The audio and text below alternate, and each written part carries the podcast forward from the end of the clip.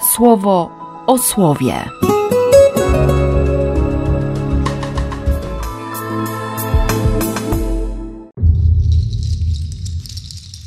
Dwudziesty siódmy września, wtorek. I się Hiobowi przelało, to znaczy on naprawdę zaczyna odsłaniać swoje serce. To przekleństwo dnia narodzin, wyrzut skierowany do Boga, już e, stawia Hioba na granicy, a może nawet już poza granicą wiary. Po tych pierwszych doświadczeniach Hiob mimo wszystko mówił o relacji z Bogiem, nazywał go Panem. Było świadectwo więzi.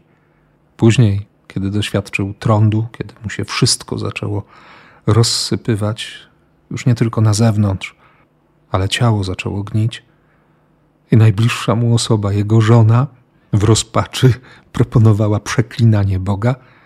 Hiob na początku się jakoś bronił przed tym wszystkim, ale, ale później padło to słowo.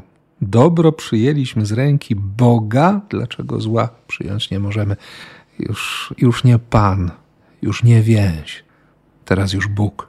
Oschły, oddalony, zimny, nieczuły, nieludzki.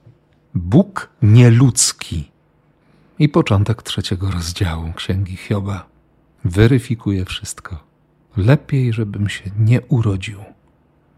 Nie potrafię zrozumieć Hioba w jego cierpieniu, w tym doświadczeniu pustki, straty, absolutnej straty, stanięcia na krawędzi szaleństwa, tak naprawdę. Ale rozumiem ten jęk, który wydobywał się z jego serca to przekonanie, że, że lepiej jest nie żyć niż żyć.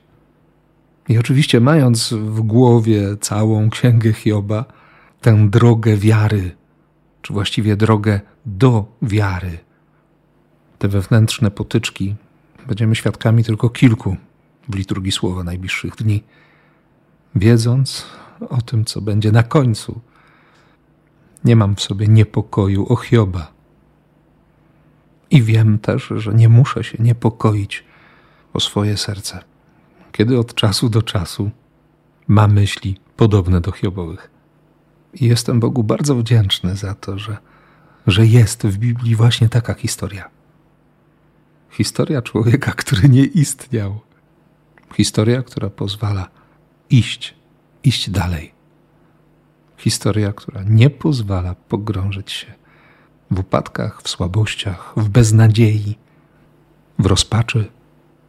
Historia, która wywołuje lekki uśmiech i kołacze w sercu taką myślą, że, że można jeszcze raz, że jest łaska, że Bóg nie uciekł, nie zawstydził się, nie zdezerterował, nie załamał rąk, nie zrezygnował nawet jeśli wpadam na głupie pomysły, jak na przykład Jakub Jan w dzisiejszej Ewangelii. Dlaczego Jezus specjalnie wysłał ich do miast Samarii? Przecież było wiadomo, że nie będą chcieli go tam przyjąć, gdy się zorientują, że idzie do Jeruzalem. A może właśnie chodziło o odsłonięcie serca? Czy chcesz, byśmy rozkazali, jak to uczynił Eliasz, aby ogień z niebios spadł na nich i ich pochłonął? Długa droga przed Janem. Hm. Ze smutkiem spojrzał na nich. Nawet nie zdajecie sobie sprawy z tego, jakiego ducha myślenie teraz prezentujecie. Komentarz w NPD podpowiada, że, że część rękopisów nie zawiera tego zdania, ale wiemy też z innych redakcji Ewangelii, że niektóre średniowieczne manuskrypty dodają: Syn człowieczy nie przyszedł w celu potępienia ludzkich dusz, ale by je zbawić. Jan to zdanie umieści w czasie rozmowy Jezusa z Nikodemem. Ale żeby uwierzyć temu, co wtedy Jezus powiedział, Jan przejdzie długą drogę. Więc e, życzę nam dziś wytrwałości, abyśmy przeszli tę drogę, abyśmy nie bali się ani swoich myśli, ani swoich grzechów, ani nie bali się tych którzy na tę chwilę nie chcą mieć nic wspólnego z Jezusem.